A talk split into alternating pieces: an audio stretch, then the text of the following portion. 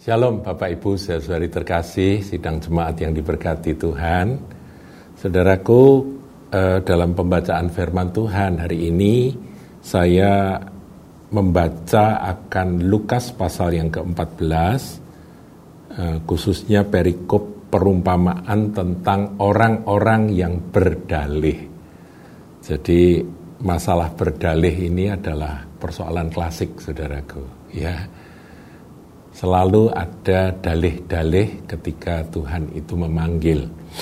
Nah, ini ceritanya merupakan perumpamaan yang Tuhan Yesus sampaikan seperti ini. Ayat 15. Mendengar itu berkatalah seorang dari tamu-tamu itu kepada Yesus, Berbahagialah orang yang akan dijamu dalam kerajaan Allah.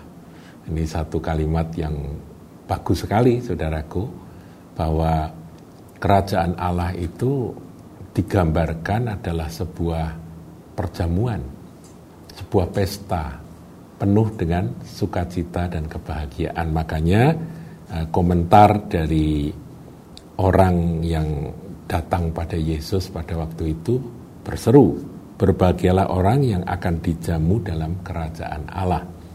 Nah, saudara, Anda, saya, kita semua diundang untuk dijamu dalam kerajaan Allah dan kita ini orang-orang yang berbahagia saudaraku. Nah ayat 16 tetapi Yesus berkata kepadanya ada seorang mengadakan perjamuan besar dan ia mengundang banyak orang. Menjelang perjamuan itu dimulai, ia menyuruh hambanya mengatakan kepada para undangan, Marilah sebab segala sesuatu sudah siap makanan sudah siap, minuman sudah siap, semua yang indah-indah semua, yang enak-enak semua, yang merupakan jamuan istimewa itu sudah siap. Ayat 18, tetapi mereka bersama-sama meminta maaf. Loh, yang diundang ini minta maaf. Sopan juga saudaraku ya. Yang pertama berkata kepadanya, aku telah membeli ladang dan aku harus pergi melihatnya aku minta dimaafkan. Sorry, aku tidak bisa datang. Sering ya kita ya, kalau kita ngundang teman, ayo kamu datang, aku ada pesta, aku ada ulang tahun, aku ada ini. Sorry, aku ada acara lain, begitu kira-kira saudaraku ya, aku sudah ada janji yang lain, begitu.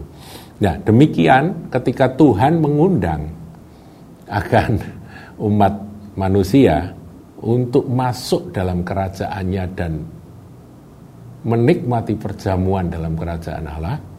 Jawabnya apa, saudaraku? Maaf, aku telah membeli ladang. Nah, ini yang pertama, saudaraku.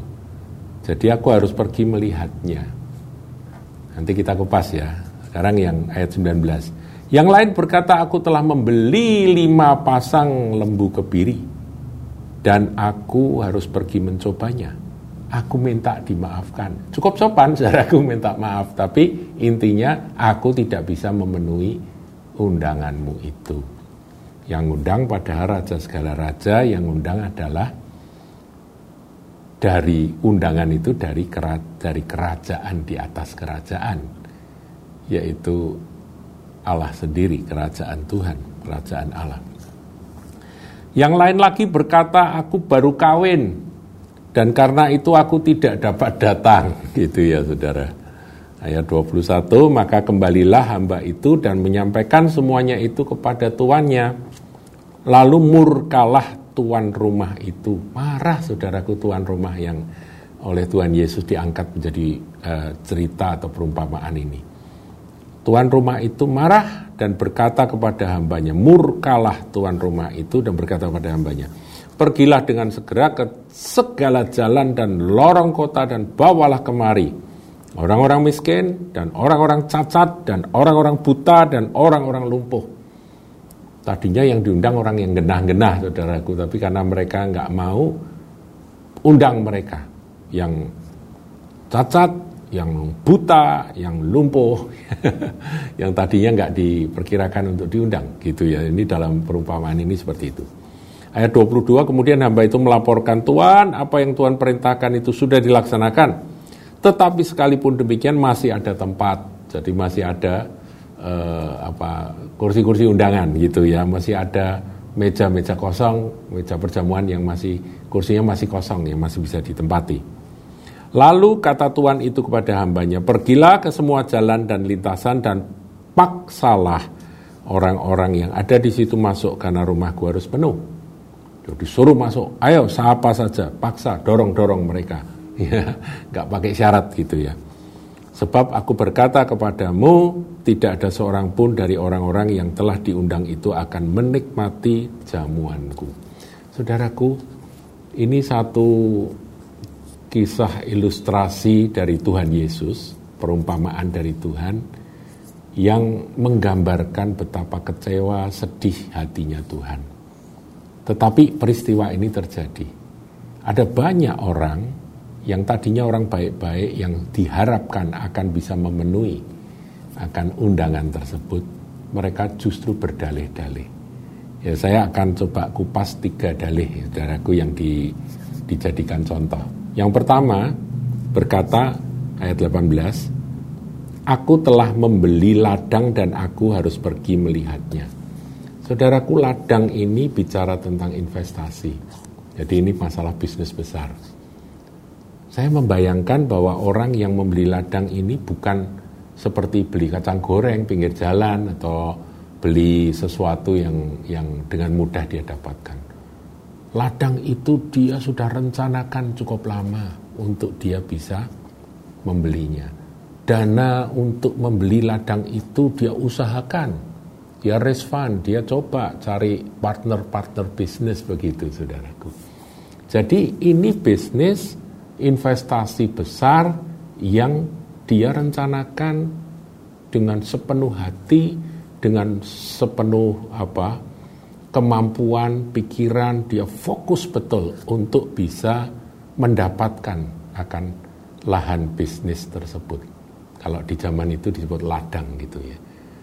Jadi ini bukan seperti orang, ya ini ada ladang, berapa aku beli gitu. Kemudian aku harus melihat itu. Bukan sesuatu yang memang diangan-angankan dalam uh, bisnisnya dia. Dia dia sudah mengharap-harapkan untuk bisa mendapatkan ladang tersebut. Dan ketika dia sudah deal dia sudah melaksanakan akan pembelian ladang itu sudah tekan notaris semua sudah itu kan hatinya berbunga-bunga saudaraku wah berhasil aku sudah bisa membeli apa yang aku harap-harapan, aku cita-citakan. Nanti di ladang itu aku akan usaha nanam ini, nanam itu. Ya, ini kan kan eh, zaman itu masih zaman agraris, saudaraku. Kira-kira begitu. Kalau zaman sekarang, ya sama, saudaraku. Dia sudah mempersiapkan akan oh, seluruh kekuatan, seluruh eh, daya pikirnya.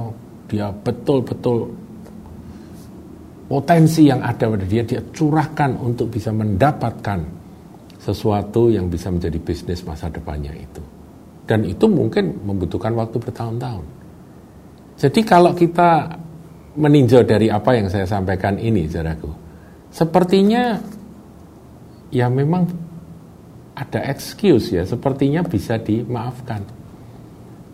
Dia sedang beli, sudah beli, mau ngelihat apa yang sudah dia cita-citakan dan sekarang sudah tercapai itu ya kan dikatakan aku telah membeli ladang dan aku harus pergi melihatnya. Untuk dia mau lihat itu apa yang menjadi investasinya itu